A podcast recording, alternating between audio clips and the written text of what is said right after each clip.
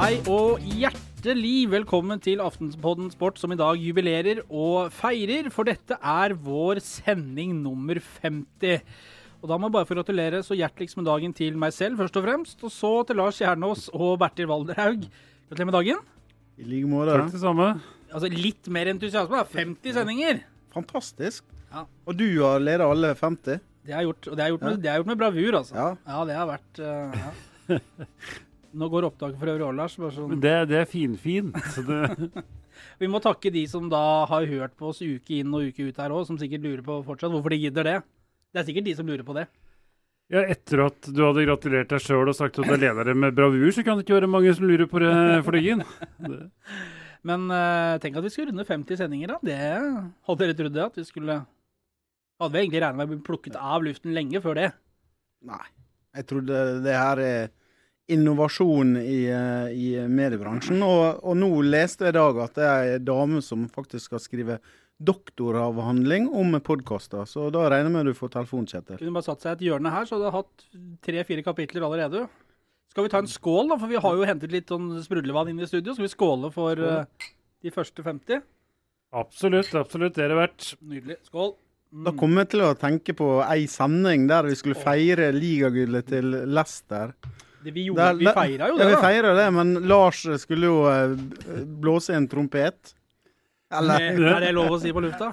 Ja, det er lov å si på lufta, men det var mordforsøk, faktisk. For dere hadde med, garantert med viten og vilje skaffa en eh, trompet for tuten datta, så det var jo bare et eh, under at jeg fortsatt sitter her på sending Han nummer har glemt, glemt å ta Ventolin den dagen. Altså. Men, eh, ja, men det, jeg glemte faktisk å kjøpe en ny sånn trompet til deg, Lars. Regulær skandale. Har du en trompetlyden i beltet, sånn at vi kunne Nei, nei. vi får slutte å snakke med den trompeten. Det blir jo ikke Eh, Eh, Men vi har jo kjøpt inn noen aldeles nydelige wienerbrød her fra bakeriet. Uh, det frister med en seigmann, Lars. Absolutt. Helst en grønn. Wienerbrød har allerede lagt seg godt rundt der det ikke bør legge seg, men eh, sånn er det. Grønn seigmann til til oi, Kjernås. oi, det er verden, verdensklasse. Rett og slett. Du vil ha en oransje seigmann, du kanskje, Jeg tar en uh, Lily White, den er, men uh, Den var rød, den. Men, ja, rød, ja. Okay, ok, ja. Men den er ja. god. Mm. Mm. Ja. ehm, eh, og også Kinderegg her. Det er litt sånn som oss. Du veit ikke helt hva du får når du åpner uh, du skrur på. Skal du knekke opp de, da, Lars? Klin umulig å sette sammen på en, eh, så det blir noe ordentlig ut av det. Det er vel også litt sånn som oss. Men Lars, se nå, det er sånn merke oppå der som gjør det det er enklere å åpne. Er- Du skulle ikke behøve å være bodybuilder for å greie å åpne en eske med Kinderegg. Vær så god, Flyggen. Tusen Vær så takk. god, Valderhaug. Takk, takk. Men Jeg trenger ikke være bodybuilder, men det trenger ikke være ingeniør heller, da. Nei. Uh, skal vi da gå litt videre i programmet? Mm. er man i munnen klarer nesten ikke å snakke. Limer seg fast i kjeften her. Ta én av gangen, uh, ikke de tolv du putta inn, uh, Flyggen. uh, innimellom tygginga så skal vi forsøke å kåre noen overraskelser og skuffelser i Tippeligaen denne sesongen. Vi skal ta for oss av Nå sliter vi. Fryktelig spyttproduksjon. Eh, det blir noen overraskelser og skuffelser her. Kåring. eh, Vi må ta for oss av eh, norsk idretts brutale høst. Vi får et reisebrev fra London. Av en eller annen merkelig grunn så har vi fått inn det her. Og så må vi innom landslagets viktige kvalikmatch mot uh, Tsjekkia uh, borte, som spilles om en uke. Bare se Hva har du fått i Kinderegget der, Bertil? Det går an å se oppi den der før man begynner å hive i seg. Skal vi se. Det er som trekningen av sånn eh, gruppespill. det Ja, det er varme Dere- jeg fikk en ny spiss til Tottenham her. det. En bil! Du fikk en bil, ja. Ja. få, se hva du har fått. Av skal den. rase litt rundt her, da. Ja. Det kan ikke være noe som skal bygges, for det går ikke. For meg går ikke det. Det må rett og slett være et krav om at det er kun i én del når, eh, når jeg åpner det. det er, eh, og det er det. Et uh, Faktisk en flodhest. Yes. Det er ikke gærent. Nei, det er fint å ha på peishylla eh, på hytten den- der. Den får du en sentral plass. når du blir Men Lars er jo bestefar, så han kan jo ha med seg. Ja. Absolutt. Dette blir Så han eh, kan dele rundhånda ut, så da bare legger det ned igjen den, jeg, det gule egget her. Så. Jeg har fått noe, men jeg aner ikke hva det er. jeg. Nei. Jeg vet ikke hva dette er, faktisk. Hva er dette for noe? Er det blekksprut, eller? Bruk helga på det, Kjetil. Så- Er blekksprut, Lars? Nei, nei, nei. Nei! Hva er det for noe da? Jo, jo. Det er blekksprut. Det er blekksprut. Hvis feil, eh, det må da settes sammen det er to deler. Skal ikke Det- spise den, Lars. Ikke spises. To deler. Sjokoladen skal spises. To deler, og da begynner det å bli et problem for meg. Ja. Det nivået ligger jeg på. Det er bare å få det bort. Um, det snør jo. Har jeg fått med dere det? Det snør ute. Ja takk. Ja. Det, Tidlig bom. Um, det betyr jo da at um, det liksom er på tide å ta fram uh, akebrett og ja, ski og litt sånn diverse. Jeg var jo på oppe i Nordmarka tidligere i uka på sykkel. Det var jo ikke sykkelføre, så med livet som innsats så uh, gikk jo det som det måtte gå, det. Men eh, nå, Lars, skal vi snart få reisebrev fra deg når du runder Blankmannsbråten på ski. Og, og nå produseres det i tillegg kunstsnø faktisk på Linderudkollen, rett inn i skauen der vi, eh, både Bertil og jeg bor. Ja. Så da bør det bli en eh, liten tur allerede på søndag. Er julekransen nå tatt ned fra loftet? Nei. Nei, men det er vel ikke vår oppgave heller, er det der, Lars? Det, det, det hører med til, til andre deler av familiens jobb. Åssen går det med skriving av julekort Lars? Den er dårlig. Den, øh, den starter rundt 20. Du er, litt, du er litt nøye på hvem du sender julekort Ja, ja, ja. til, for det er ikke alle som får julekort av deg. Nei, definitivt ikke. Det. Der kreves det både lang ansiennitet og, og øh, diverse gode gjerninger for å havne på den lista. Hvor mange i dette studio får julekort av deg, Lars Kjernas? Kun én. Du må bo på Årvoll. Men etter serveringen med både seigmann og wienerbrød, så rykker du nærmere. Det, det skal også sies. Du rykker nærmere. Ja, hyggelig. Dårlig timing på å spise. Ja. Ehm, vi har fått en forespørsel om å lage en uh, kavalkadesending. Oi. Og da tenker jeg ikke på den sendinga vi skal lage sånn, eh, opp mot julen på, hvor vi oppsummerer idrettsåret. Folk vil rett og slett ha en kavalkade Altså, folk vil sikkert ikke det, men det er noen da som har spurt om vi kan lage en sånn Best of Aftenpodden Sport med alle gullkorna fra året som gikk. Nå kommer det noen fæle lyder her. Hva er dette for noe? Var det, var det gullkornet som kom droppende ned her? Det, det hørtes rett og slett ikke bra ut. Og nå henger maskina her. Dette er så uflyt. Okay. Opptak i går, ja. Ja. Eh, nei, men altså, noen vil ha oss å lage en kavalkadesending.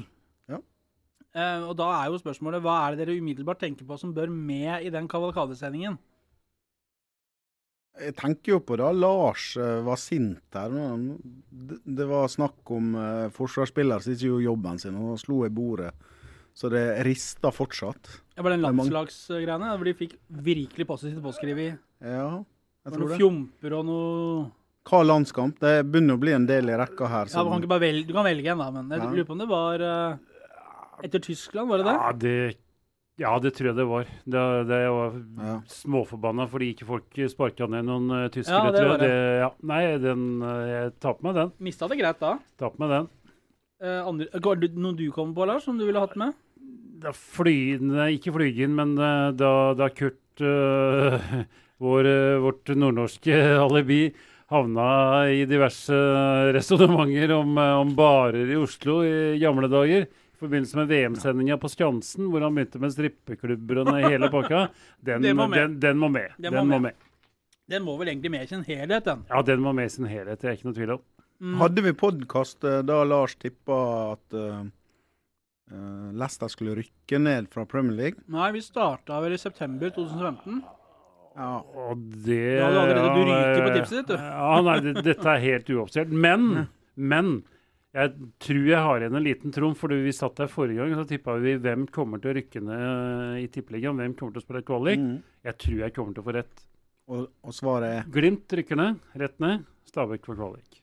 Hvem var det som tippa tabellen eh, tips i Aftenposten i år? For Det var ikke deg, Lars, for du jobber jo i Brann.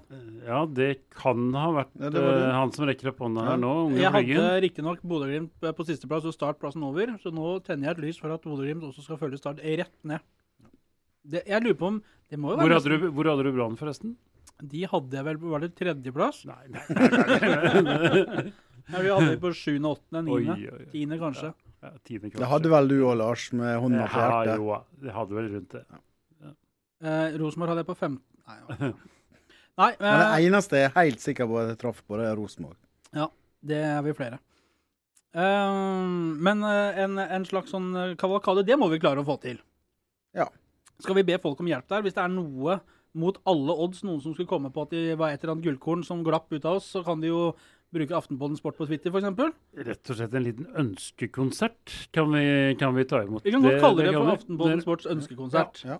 Ja, ja men det, da gjør vi det. Sølvguttene skal synge og Ja, det blir trompetspilling, og det blir koring, og det blir eh, Ja, det kan bli noen uh, hektiske dager. Ja, ja.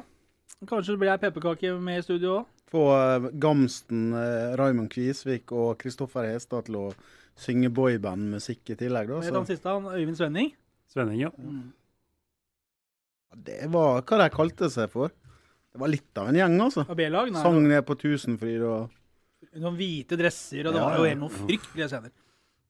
Eh, vi har rett og slett eh, fått en henvendelse til. For Ola Marvin Leier tok kontakt med oss på Twitter og lurte på om vi ikke kunne starte en Aftenpodden-liga i eh, et sånn fantasy-spill for langrenn. Altså fantasy, det, Dere kjenner kanskje til det, sånn Premier League. Man setter opp eget lag og skal ta, ja, få flest mulig poeng og sånn. Det fins visstnok da denne type spill også for langrenn der ute. Og han lurte på om ikke vi kunne lage en egen Aftenpodden Sportliga. Og det må vi jo selvfølgelig gjøre. Vi må jo det. Ja, ja, ja, klart. Vi, vi tar alle, alle utfordringer, stort sett. Ja. Vi, det, vi er Såpass dumme er vi. Det er jo uh, eneste vi skal gjøre, er egentlig bare å opprette en liga. Og så er det må alle ta ut hvert sitt lag. da, Åtte kvinnelige og åtte mannlige løpere. Og så handler det om å ta flest mulig poeng. som en førsteplass som jo i verdenscupen gir 100 poeng, da får man 100 poeng, osv. Så, videre, og så, videre. så teller vi opp til slutt. Vi, vi, det må vi prøve å gjøre før eh. Det, ja, det, det får vi til. Og den kommer jeg til å vinne, bare så det er sagt. Ja, for du er jo på en måte vår langrennsekspert. Ja, ja, selvfølgelig det òg. Ja. Ja. Så vi, vi har vel noen gode tips til løpere og sånn vi kan Ja, ja, ja, gi. At det er viktig å ha Verpalu og Verpalu, ja. Mari Girvisnemi og liksom de er sikre. Kirvesnemi er med, det er jeg ikke i tvil om. Ja, Har du, du har intervjua Kirvesnemi? Nå, har ikke du det? Nei, jeg har ikke gjort det, men uh, det er fint om du ikke røper sånne statshemmeligheter på luften. Uh, de er på luften nå, Kroksleiven! Det er faktisk en statshemmelighet at du skal snakke med Harry Kirvisniemi. Si det en gang til nå, så sikker på at alle redaksjoner i Norge kaster seg på telefonen. Harry, Harry. Gille. Ja, men det Eh, tar litt tid, vet du. Det er jo, det er Ja. klart. jeg skjønner det. Eh, det har jo skjedd store ting mens vi har eh, vært opptatt på hver vår kant. Eh, Chicago Cubs har endelig vunnet World, World Series i baseball. Sikret seg sin første tittel på 108 år denne uken. Er slåball noe som får det til å vibrere i både armer og bein oppe på Årvoll? Vant 4-3 mot uh, sammenlagt mot Cleveland i finalen. Imponerer jeg nå, eller imponerer jeg ikke nå? Det, det, det, Var det et ledende spørsmål? Det, det, det, Det her er endelig bevis, Lars. Du har altfor mye fritid. det er helt riktig, men uh, jeg kan røpe litt av hemmeligheten. Jeg, jeg står på en sånn steppemaskin når jeg står og trener. og Da kombinerer jeg med å lese en avis, og det, det er såpass kjedelig å stå der at da leser jeg stort sett rubbel og bit i, i avisa. Derfor fikk jeg med meg at mann vant 4-3. Du, du legger merke til han, han sier han står og trener. Ja, det- det- Da skal vi bare ta et lite kontrollspørsmål her. Hvilken avis er Lars, du må jo spise Ja, det vi ja, har kjøpt av deg! ja, ja, ja, ja, jeg skal spise Ikke hele, gratis nede på spise Coop, hele altså. greia. Ja. Det- ja.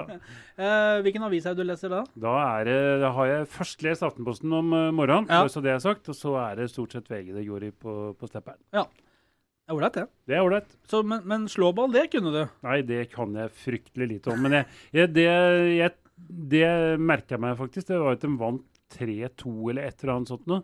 Jeg tenkte er merkelig at det ikke er flere poeng. Altså, jeg, jeg kan nada om baseball. Ja. Jeg syns det hørtes fryktelig lavt ut. Litt snaut. Målt opp mot det jeg trodde det var. Ja. Jeg trodde det var noe sånn 30-20 eller et eller annet du vant, ikke 3-2. Nei.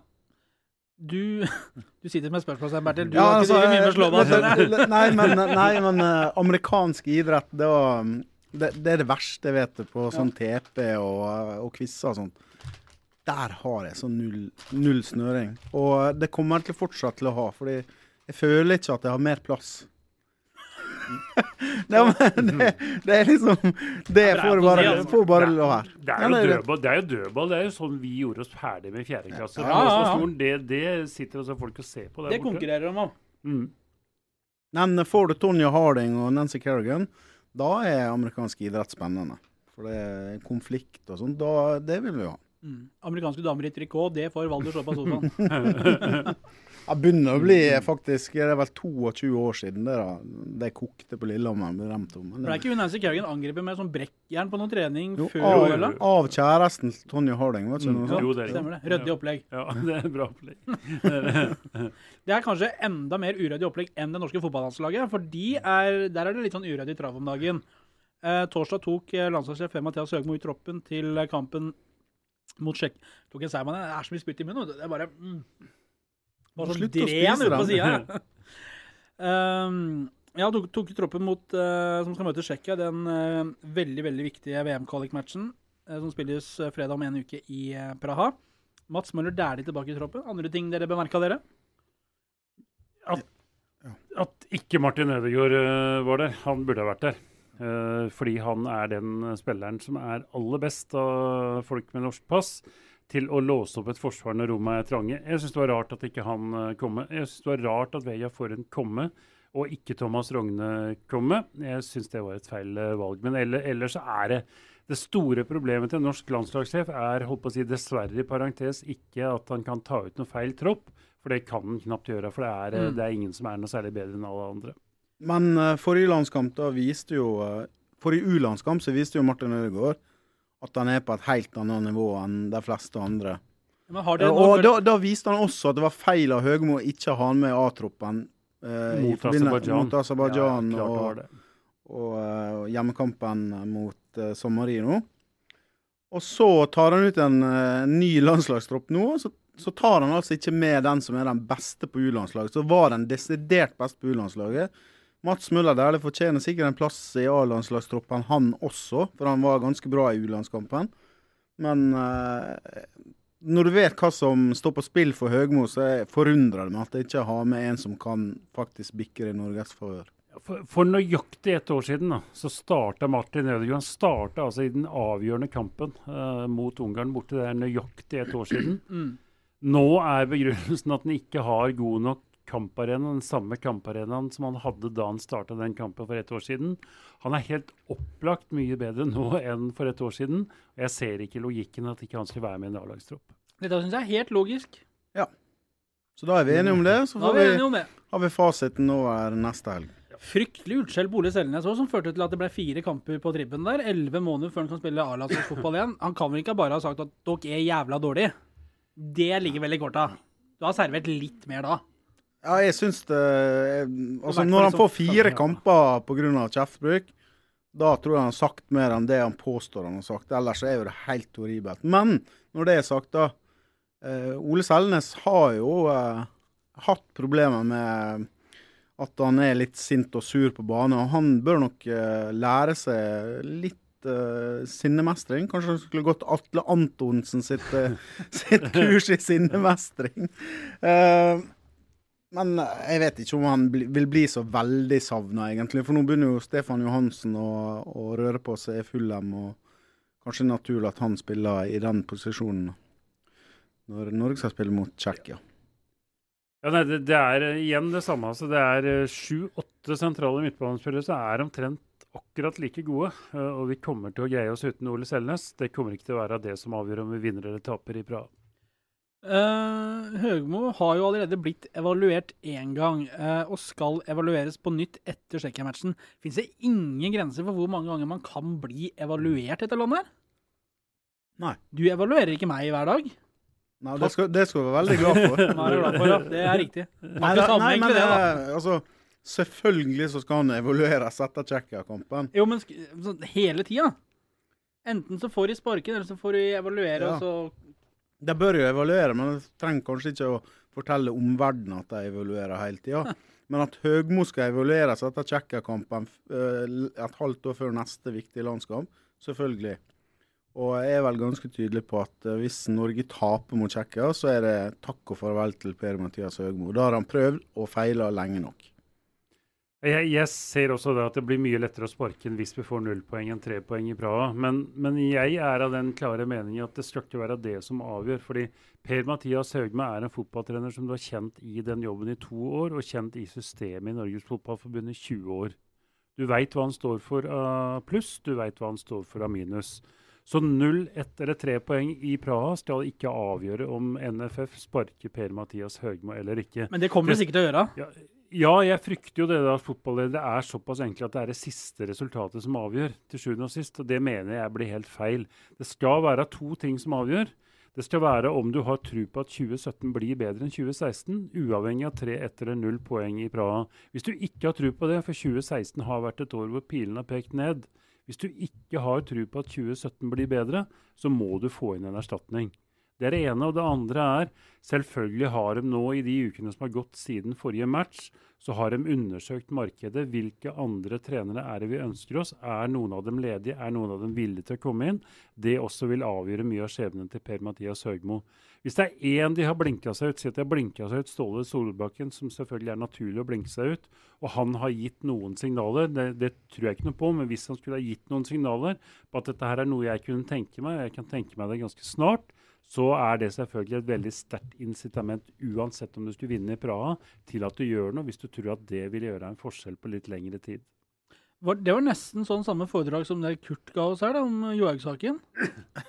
ja. ja, ja. Men det er jo en, en, en med pro-lisenskurs. Ja.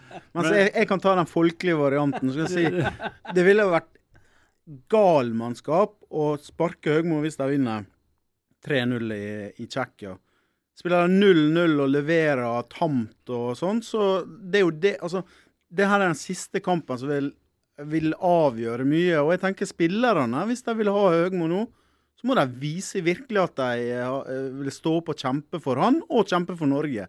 Det har jo Spillerne har underprestert over lang tid nå. Mm. Og selvfølgelig så er det sjefen sitt ansvar til syvende og sist. Men det er jaggu mange spillere som eh, har noe å bevise òg, altså. Ja, Alt det er jeg jo enig i. Det er helt enig i det. Men hele poenget mitt er at det, er, det, er, det har vært en, en, så nedadgående trend nå over såpass lang tid at sjøl om vi skulle vinne i Praha, så tror jeg det prosjektet der sånn har spilt uh, fallitt. Men, men, hør nå. Dette er en uh, sånn nå Solskjær. Uh, Høgmo ryker. Uh, vi veit jo at Dempsey han har takka nei i Djurgården. Hvorfor det? Jo, for han skal til Molde og overta Molde. Solskjær skal til landslaget og ta de nå ut kvalik i den neste kvalik, eh, til Solbakken har liksom rast fra seg. Nei. Det, Dere hørte det her først. Konspirasjonsteori? Ja, ja, ja. Dette Signer. Ja. Sett gård og grunn og bikkjer og katter. Men har Solskjær vist så veldig mye de siste åra? Skulle det tyde på at han er den rette mannen, da? Ikke, ikke drep teorien, da. Det var jo bare en litt som skulle få sette i gang hos folk. Lars, du liksom veiva det av med en ja, nei, gang, du. Jeg, jeg, jeg, for det første tror jeg ikke noe på det. Uh, og for det andre så er jeg ikke sikker på at det er uh, Eller jeg, vil ikke ha den løsninga. Jeg vil ikke ha en korttidsløsning. Uh, hvis det skal være en, en grunn til å erstatte Per-Mathias Høgmo, så må jo det være fordi du har en som kan overta nå over tid, som du har tro på at kan gjøre en stor forskjell, og det tror ikke jeg noe på med den løsninga der. Så det var et dårlig innspill, det kommer? Ja, det syns jeg rett og slett. Men det kan jo være så enkelt som at uh, Solskjær er manager, uh, Dempsey er trener. Og det har jo han vist at han har fått til sjø, uh, før under Solskjær i Molde. Så så det kan jo være så enkelt så at det skal være duo i Molde. I Molde? Ja, ja jeg tror det blir sånn. Ja. Okay, dårlig forslag av meg, ja. ja. Nei da, men det, det, er jo lov. Altså, Løs kanon på dekk treffer innimellom. Ja, gjør det. Ja. Du kan servere flere. Jeg kan si uh, Solbakken, Rekdal. Jeg holdt på å si Skullerud, men nå er han ansatt i, uh, i Godset. Mm. Ja. Det er han. Um, når vi først er inne på ja, er du Smerud kan jo ta alle tre. Nå har han både U-landslaget og kvinnelandslaget. A-landslaget òg, så har han Det har vært veldig greit for NFF, sikkert, da. Ja, han, han, han vil sikkert så. Ja, jeg tipper Vil du ha tre landslag, kanskje? Det er kanskje mye. Um, når vi først er inne på fotball, da. Denne helgen så avsluttes jo Tippeligaen. Uh, det står om nedrykk for flere lag. Noen kjemper om sølv. Uh, men dette er også tiden for å se tilbake på sesongen som straks er over. Men det, går fort, ass. Det er liksom, Så fort du kommer til sommeren, synes jeg, så begynner det liksom å bli litt sånn mørkt om kvelda igjen ute i juli der, og så er liksom er sesongen over. Fryktelig fort har det gått. Ja, det har det, gjort det. Ja, men da, det er vel et ålreit tegn da, på at du har hatt uh, relativt moro underveis. Ikke alle Det er noen mulig å ha vært noen mulige matcher i Tippeligaen i år òg, da. Men, men jeg syns liksom det høstsesongen går fortere enn vårsesongen. Ja. Jeg, har, jeg var på uh, Ullevål forrige søndag og så Vålerenga-Lillestrøm sammen med dattera mi og ei venninne av henne. Det var, skikkelig gøy å være på en uh, toppkamp i Norge med stapp, omtrent stappfulle tribuner. Det var rundt 20 000 på Ullevål, og vi sto i kø en halvtime utafor og sånt. og det det var gøy, og det viser jo at det er et potensial der ute for å fylle tribunene. Uh, hva er det dere sitter igjen med? Vi skal straks uh, sette noen ord på årets uh, overraskelser og skuffelser, men hva er det dere sitter igjen med Se på årets speiderprisen lyser i panna på, på Lars her. Skal han si det? Skal han si det?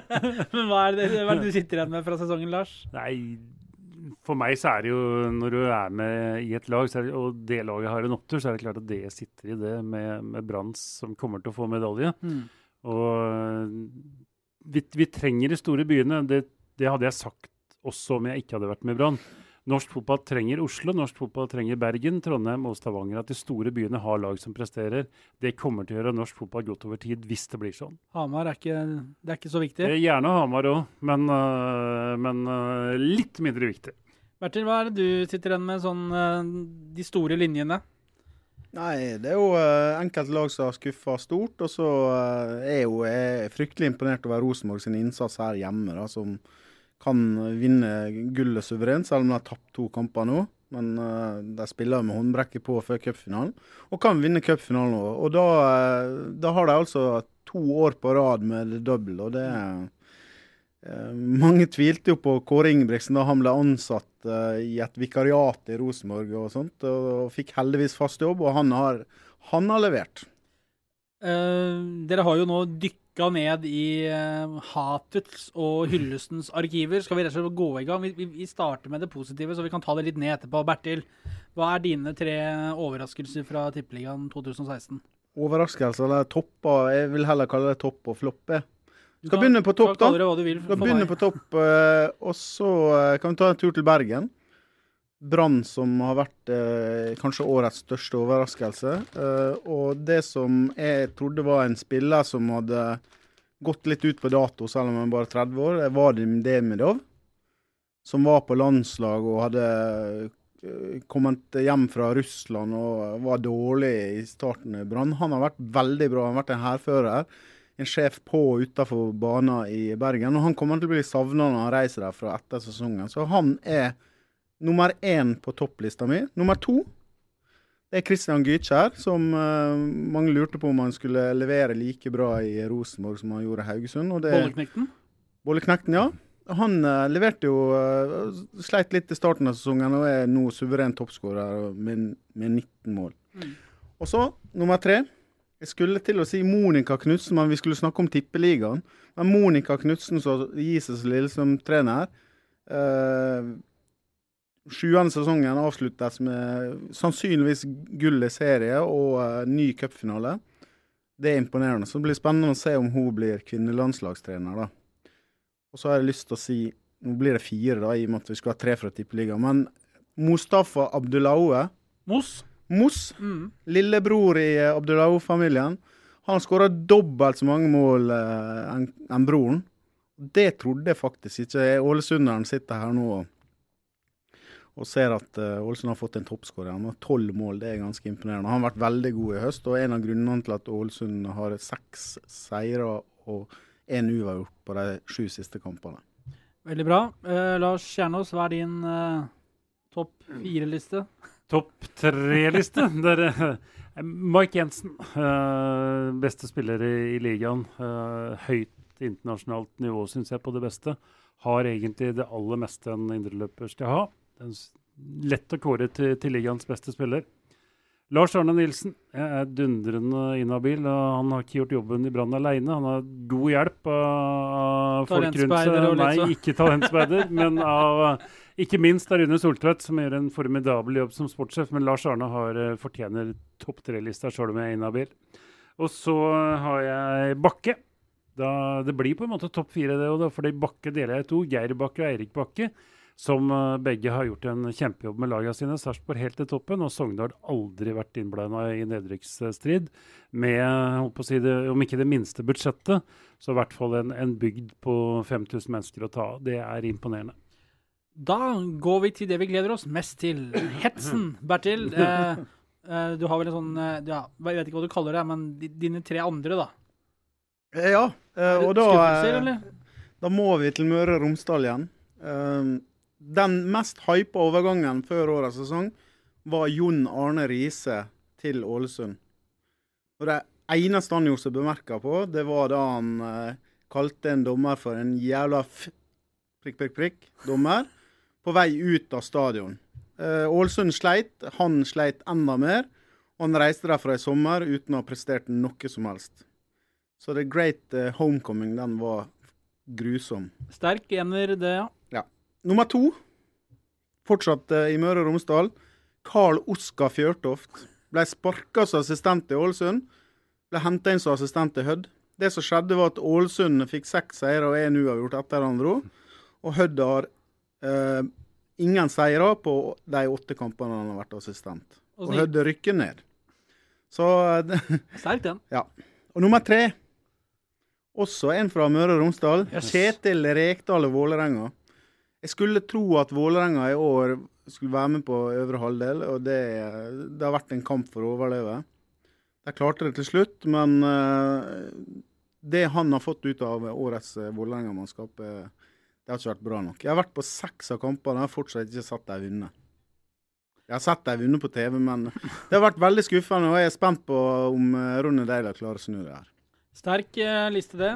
Lars, kan du toppe dette her? Nei, ja, men da, da tar jeg Jeg hadde faktisk alle de tre inne i eh, diskusjonen, men da tar jeg tre andre, for jeg hadde en ganske lang liste å hente. Ja, mye fra, hets, så- egentlig, Det, nei, det er mange flopper i norsk fotball. ikke mye hets, men uh, da, da kjører jeg tre andre. Billy McKinley, Mm. Hoppe etter Wirkola, trene Stabæk etter Bob Bradley. Det var ikke enkelt. Han var dømt til å mislykkes, så han mislyktes til de milde grader også. Så han eh, forsvant tilbake til Scotland ganske kjapt. Ja. Uten å ha gjort noe stort uh, nummer av seg på noen måte. Start, selvfølgelig, og eh, Steinar Pedersen. Sjøl om Steinar har hatt en trøblete jobb, og det er ikke bare hans skyld, eller på langt nær bare hans skyld at Start rykker ned, så har det vært så desidert eh, langt etter de andre. Det Mm. var overraskende, syns jeg. Ikke at de skulle havne i trøbbel, men at de skulle ha en nautisk mil opp til lag nummer 15 nesten hele sesongen, det er litt overraskende. Mm. Og så øh, kjører vi øh, Molde og Solskjær som uh, nummer tre. Ikke fordi de Jeg tror det blir nummer fire. Jeg tror de slår Lillestrøm og blir nummer fire. Det er jo en akseptabel plass, det. Men med de forutsetningene, og sånn det så ut i vinter, hvor de hadde avansert i Europaligaen og så ut som 2016 kunne bli Moldes, Moldes år, så har det vært en gigantisk nedtur. Var fin, den. Ja. Jeg synes det, det Det ja. ble mye Møre, det ble mye Møre og Romsdal. Det det. Det- ja. Mørenytt ble dette her. Mørenytt. Det, Ja, men uh, positivt å få Kristiansund opp, da. Det er det. Det blir veldig gøy. Det er vel helt ettersom åssen du ser det, vel. Altså, Så hvor reiste vi til Kristiansund foruten grunn til Kristiansund. Nei, det er ikke foruten grunn heller nå. Det blir gøy. Det Er det, gøy med dem neste. er det noen andre lag der på Klausenengen? Kunne vi fått de opp? Er det noe så vi kunne liksom fått en egen avdeling oppi der? Verpingsvika og Ålesund kunne kanskje Verpingsvika høres ut som en fryktelig plass. Skarbøvik. Ja, Skarbevik, selvfølgelig. Rykka opp dem Nei, de vant uh, pulja i, i sunnmørsfotballen. Nei, nå er det mye Sunnmøre og Møre og Romsdal. Må vi komme oss eh, tilbake igjen til Det, det er jo Aftenpodden. Det er Oslo-basert. vi må snart få teksting på dette Lars. ja. Uh, Bertil, uh, du uh, er jo en mann i reisens tjeneste som redaktør, og du er jo ofte ute og farter og kaster glans på diverse arrangementer. Nå har du vært i London for å se Tottenham spille fotballkamp. Eh, Det viste seg å være bortkasta penger. Da setter jeg egentlig bare over til deg, og så skal vi andre lene oss litt tilbake og ta oss en seigmann. Vær så god. Det var ikke derfor jeg var her. Vi var på uh, ledersamling i eh, det sportssamarbeidet som heter 100% Sport. Det Og tilfeldigvis så spilte da Tottenham eh, hjemmekamp på Wembley. Jeg har vært en del ganger på Wembley, og eh, nå skulle Tottenham spille der. Stappfullt på Wembley. Sang og stor stemning før kampen. Utrolig tamt underveis. Og for en Tottenham-supporter så var det en gedigen nedtur, og jeg er nok redd for at uh, vi får flere nedturer med Tottenham i nærmeste framtid. For nå venter jo Arsenal. Jeg skal faktisk over igjen om tre uker og se dem bort mot Chelsea. og Jeg fikk vel bekrefta det jeg var redd for, at Tottenham er i rute til å tape den kampen nå. Var ferdig? Ja, Jeg tok en Snapchat og bare skulle Ja. Ja, men altså ja. Men dere, dere to gidder jeg ikke å høre på, rett og slett, når dere sitter og prater om engelske favorittlagene deres. Det er altså, en som holder med Manchester United, og en annen som holder med Tottenham, som sitter og klager over favorittlagene sine. Jeg var også i London, nemlig forrige helg. Jeg så QPR mot Brentford. Og det er altså sånn, Hvis det hadde vært valg i gymtimen på skolen, så hadde den gjengen jeg så i stripede drakter de hadde, altså, Det hadde vært sistevalga på hvert sitt lag i gymtimene på skolen, hele gjengen. Det var, det, det var en parodi Og på fotball, rett og slett. Ja. Nei, det var ikke bare skrekkelig. Det var de kommer ikke til å skjule et mål før i april. Garantert med den gjengen der. Så jeg lukker øra når jeg sitter og hører at dere disser lag som Den ene har ikke tapt i Premier League. Den andre har henta sølvtrøyt som omtrent i kan bære i hendene de siste 15 åra. Så sitter dere og klager. Hold snavla på dere! Det som er bra, det som er bra med Loftus Road med Queens Park, da, det er jo at det er en intim og tett stadion og bra trøkk der. Når du er på Wembley og, og den, Nå kommer jeg med en litt sånn uh, brannfakkel i, i forhold til utviklinga i fotballen. fordi nå, nå spiller Westham på en gigantisk stadion.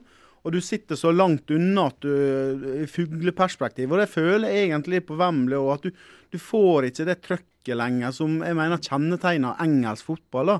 Skal stadionet det, det skal være eh, kommersialisert på en sånn måte at alt annet enn selve spillet og trøkket inne der blir avgjørende. Fordi Uh, Og jeg er jo spent på hvordan nye White Hart Lane blir når den bygges om. For Tottenham skal jo spille alle hjemmekampene sine eh, neste sesong på Wembley. Og, og de får ikke fullt hus på Wembley hvis de fortsetter å, å spille så dårlig som de gjorde på onsdag mot Bayer Leverkosen. Uh, og det er klart Jeg er redd for utviklinga hvis fotballen blir sånn at det blir bare bedrift og ikke underholdning for, for uh, tilskuerne. Og Fotballstadion skal være tett og intim. Du skal ikke spille fotball med løpebane rundt og alt sånt. Og engelsk fotball der det, altså, Queens Park, ja, skårer ikke mål, men det er trøkk på stadionet her, da, om ikke annet. Ja, det er det, bortsett fra at du er nødt til å få kink for det. Du, du, er, du, du sitter altså så Det er så trangt at uh, det er det er, det er Sydenfly uh, som, som har bedre beinplass enn enn det du har på, på Loftus Road når du sitter der. Ville du heller bytta poeng mot en annen stadion? Men du, nå sitter han og sånne Ja, nei, det- Jeg på- sitter og på legger sosiale, ut Han er på er sosiale medier. sjokkerende. altså Programlederen, hva er dette? Jeg slipper jo ikke til. Det ble, det ble med 50 sendinger. Ja, det, ja. Jeg legger bare ut en ei lita Snapchat-klype, så folk kan se at vi sitter her og kjasser. Oh, ja. Det, Så i tilfelle det skulle være tvil? i tilfelle skulle skulle, Hvis det var noen som vurderte å ikke høre på, da, så tenkte jeg kanskje at da kunne det vært ålreit. Ja, det er bra. Men øh, ja, jeg skjønner det må, ha vært, det må ha vært jævlig å være i London her på fotballmatch på Wembley. Det, det, altså, det, kan ikke ha vært lett, altså. Nei da, det var, det var gøy eh, ei stund, men eh, fotballen det var dårlig. Det var årsverste av Tottenham, eh, tror jeg det var. altså. Mm. Eh, det er klart Når den eh, mest målfarlige spilleren var høyrebacken Kyle Walker, så sier litt. Eh, Men jeg skal spille mot Arsenal på søndag, og da Ja. kommer det nok til å bli voldsomt trøkk igjen. det gleder vi oss til. Det gleder vi oss til. Det blir stort. Det blir stort. Da skal jeg se på Netflix. Nei, unnskyld. Uh, men du, en annen ting. Uh, det er jo, altså, Dere husker Wayne Rooney? Han som uh, debuterte for Everton som ung og gikk til Manchester United. Ja, han, ja, han, ja. Mm. Han er funnet igjen i live nede i Tyrkia. Hamra inn en ordentlig variant borte mot Fenerbahçe i Europaligaen torsdag kveld. TV-en var nesten på vei ut på Gjerdebergkrysset når jeg så den skåringa. Det hadde jeg ikke Jeg trodde ikke han hadde det i seg fortsatt. Nei, men ulempen er at jeg så de andre 90 minutta òg. Det gjorde jeg. Og, og da, da snakker vi vel ikke lenger om en som har stått opp, holdt jeg på å si, men, Nei. som er en ny Lasarus. Men uh, vi snakker vel om en, en fyr som var, var eh, ikke utpreget komplisert å markere ut av matchen. Det var Han var mulig vel å ta den ut, ja. Han var vel utafor midtsirkelen rundt det 80. minutt en gang, og rundt 23-24. minutt en gang, tror jeg. Ellers så sto han relativt behagelig der. Men han digre svensken han begynner å se seig ut, syns jeg. Ja da, Zlatan begynner å se, se seig ut. Men igjen, øh, å snakke litt sånn alvor altså, Zlatan er, er jo ikke noe rein nummer ni. Zlatan er en blanding av nummer ni, en rein spiss og nummer ti, en playmaker. Og Hvis du skal ha nytte av Zlatan, så må du ha en rein nummer ni ved siden av han, etter min mening. Det må enten spille med to spisser hvor den andre er en bakromstrussel, sånn at Zlatan får bruke det han er god til, eller så må du ha andre typer midtbanespillere og vinger som løper mye mer rundt den. Ringer du han eh, Mourinho og sier fra, eller? Jeg skal, jeg skal si fra. Det, Han er, han er jo mottagelig for innspill for tida. ja, han ser fryktelig mottagelig ut. Det- Altså, dette har Mourinho kontroll Han veit at Lars har den meninga, for Mourinho han har fått med seg Brann og hvem det er som jobber. Men eh, jeg har ei bok liggende klar for lesing som heter 'Mesteren Mourinho'. Men uh, skulle ha bytta ut det ordet med 'taperen Mourinho'. Det kom en snap med det tidligere i dag, så jeg. Det var sterk humor, det. Jeg har nesten knapt slutta å le når vi gikk inn i studio her. Ja. Special ones var det en som kalte den i går på, på Twitter. Så jeg. Det, I verste fall så får han jo rett til det. Um, vi lar fotballen ligge litt, for vi må avslutte med en uh, brutal høst for norsk idrett. For det virker liksom ikke som det skal ta slutt. Eh, det starta vel egentlig litt med playoff-nedturen til fotballandslaget i fjor høst. Eh, vi kom skeivt inn i 2016. Så fikk vi en debatt rundt åpenhet i norsk idrett, eller mangel på åpenhet. Så kom dopingsaken med Martin Jonsrud Sundby i hovedrollen. Mer debatt rundt åpenhet. Eh, Therese Johaug og leppekrem-salveopplegget. Fotballandslaget som fortsatte å levere under pari, før det nå toppa seg med at Henrik Kristoffersen han saksøker Norges Skiforbund fordi han ikke får lov å ha egen reklame på hjelmen. I alle verdens dager er det som skjer? Jeg foreslår at de setter ned et granskningsutvalg for å, få, for å starte en prosess for å finne ut av det. Og evaluere Så kan de evaluere etterpå. og Sånt. Nei, altså det har vært, eh, og det har vi sagt før i denne podkasten her, annus horribilis eh, 2016 for norsk idrett. Og du glemte vel å ta med den stjernekrangelen mellom Boasson Hagen og Det glemte jeg, ja. Den, Så det, eh, det, det har vært veldig mye. Og eh, da toppes det vel hele året med at eh, de sparka landslagssjefen i eh, fotball, og da står du uten sjef på kvinnelandslaget og uten sjef på herrelandslaget, og du har et alpinlandslag i oppløsning. Du har eh, dopingtatte utøvere i langrenn, du har syklister som krangler, og du har et eh, idrettstopper som uh, ikke vil eh, dele på noe som helst og skal uh, ansette folk uten å lyse ut jobber og alt sånt. Ja, vi, har sjelden hatt mer behov for en kombinert lagkonkurranse enn vi har i Ja, vi har øyeblikket nå. Hvor vi kan tapetsere pallen. Ja, det hadde vi, det hadde vi fortjent nå. Ja. Nei, men litt alvor i det. Det, det kan uh, egentlig bare bøtes på, på, på to måter. Det ene handler om ydmykhet. altså At lederne går ut nå og er så ydmyke. tenker jeg spesielt på både Skiforbundet og Fotballforbundet, for så vidt.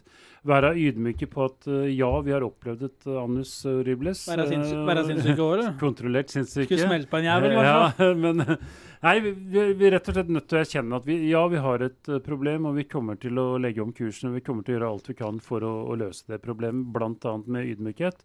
Og det andre, andre handler selvfølgelig om å, å prestere.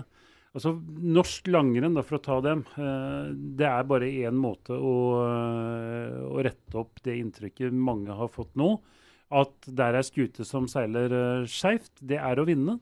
Eh, og det er å vinne og bli dopingtesta si, annenhver uke og bevise at du er best med, med rene midler. Det er den måten du kan løse det på. Og Du må prestere. Og kanskje koste forstøverapparata ut av andre etasjen på den smørbussen òg. Det, det hjelper jo sikkert litt på sånn troverdighet, det òg Jeg sikkert. så Tiril Eckhoff, eh, skiskytteren, hun, eh, hun ville ikke ta det. For det er jo folk Folk stiller spørsmål eh, ved, ved hele greia, og da uh, dropper hun å bruke forstøverapparat. Og det tror jeg er den lureste måten å gjøre det på. for da, da ser folk at man tar grep. Selv, selv om altså, Man må ikke misforstå, det er ikke doping, det er bare gråsone. Og, Hvis du har astma, så er det jo greit. Ja, det. ja, men det kan ikke være sånn at eh, alle norske langrennsløpere har astma. Det, jo, mm, men altså, når, når de fleste andre ikke har det Det er ikke så urein luft her i Norge. Enig med Bertil. Ja, delvis enig. For det, det er ikke bare bare det er ren luft, er det jo. Ja, ja. Det er jeg enig i. jo, men det, det er ikke bare norske langrennsløpere som har astma. Altså det, det er eh, prosentandelen, svenske prosentandelen, finske osv. er omtrent like høy. Fordi det å trene knallhardt i vinterforhold, eller under vinterforhold, under kulde, det påvirker selvfølgelig luftveiene dine. Du får lettere astma. Nå, nå, snakker jeg holdt på å si eh, litt fordi jeg har hatt astma i familien sjøl på, på, unger eh, og sånne ting, så jeg veit litt hva det handler om. Og at det kan og bør og må medisineres når du sliter, det er jeg ikke noe tvil om. Men vi, vi er jo inn, apropos, det, apropos Tiril, Tiril Eckhoff sånn, så vi må ikke komme dit nå at folk som har det problemet, føler at det er pinlig å ta medisinene sine. Det er dit vi kan komme nå. For Hun snakker ikke bare om å ikke bruke forstøverapparat, men hun snakker om at du vil ikke bruke Ventolin eller andre ting i tillegg. Og Da blir, da blir det feil. For du må, ha, du må, ha, lov til å behandle sykdom uten at du blir uglesett av den grunn. Men, men, dette er jo uh, altså den astmaproblematikken som vi har snakka om mange ganger. Men hvordan reagerer dere på at uh, Henrik Kristoffersen nå saksøker sitt eget forbund? Det òg er ganske spesielt. Det her er jo en gammel, uh, gammel greie med hvem som har eierskapet til utøveren? Er det forbundet eller utøveren sjøl og sånt? Og det uh, er Jeg husker Nils Arne Eggen hissa seg så jæklig opp da det var snakk om Lasse Kjus uh, for mange herrens år siden. Om noe lignende der, om han var viktigere enn laget og sånt. Og han raste jo at her er altså her er det en for alle, alle for én.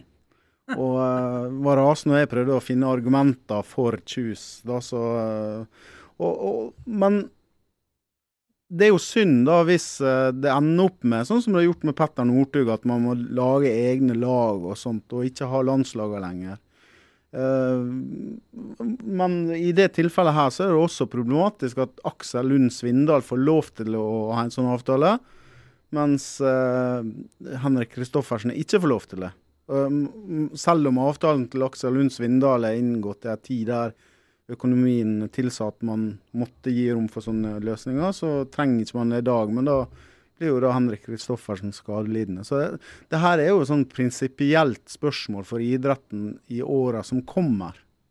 Jeg, jeg, skjønner jo at han blir forbanna, eh, nettopp pga. det du sier, med at uh, han har en lagkamerat uh, som får lov til det, det som ikke han får lov til. Det strider jo mot rettferdighetsgenet i meg, i hvert fall. Men samtidig så må han må, ikke, må slutte å sutre. Altså, du kan, du kan, kjøre fort ned ei bakke om du har et, eh, et norsk flagg på, på, hjelmen, eller om du har eh, Red Bull-merket på hjelmen. Det må ikke bli sånn. Den følelsen får jeg nå, at han sitter der en 14 gutt. Får han heller gå opp og så får han vise at han er best, uansett hvor mange millioner eller hvor få millioner han tjener på det. Vi er enige at det kan ikke bli så veldig mye verre. Det er jo nærmer seg vel et, uh, en, en, smertegrense for hvor, liksom, ting kan bli. Ja, på, Nå tenkte du på alt, eller på ja, alpint? Ja, generelt. Generelt, ja. ja, ja nei, eh, det er, har vært ille. Eh, og det som er litt forunderlig her, det er jo at det, det har aldri vært flere kommunikasjonsfolk rundt idretten enn nå. Og idretten har vel aldri kommunisert så dårlig heller. Brødrene Graff har jobba i høst. Han ene i Skiforbundet, han andre for Høgmo. Ja, men de, det er jo bare mer i bakgrunnen og sånt. Men det, jo, altså, det hjelper ikke hva strategi de eventuelt måtte legge fram for uh, presidenter, sjefer og alt mulig, hvis de, de som snakker, sier noe annet enn det de har blitt enige om. Nei, Det er riktig. Og så var vi inne, Jeg må jo bare, når vi først er inne på, på dissing og saging altså nå, nå, må Kristoff spesielt må kaste den der gule spaden han har sittet i sandkassa med en stund nå, så må han bli mann igjen. Han må jo i all verden greie å kvitte seg med det, det som har vært uh, av surr der. Hold opp, bli voksen. Det er uh, siste bud. Litt sånn sur inngang på helga for de som hører på denne fredagen, men uh, jeg lurer på om vi skal si er det bra, da? Sending nummer 50. Var det, ble det som vi hadde forhåpt? Det ble sikkert ikke like bra, men Vi kan si god helg til dem som hører på før helga. Så de som hører på underveis, er det fortsatt god helg. Og de som hører på etter helga, håper du hadde en fin helg. ja, det kan vi si.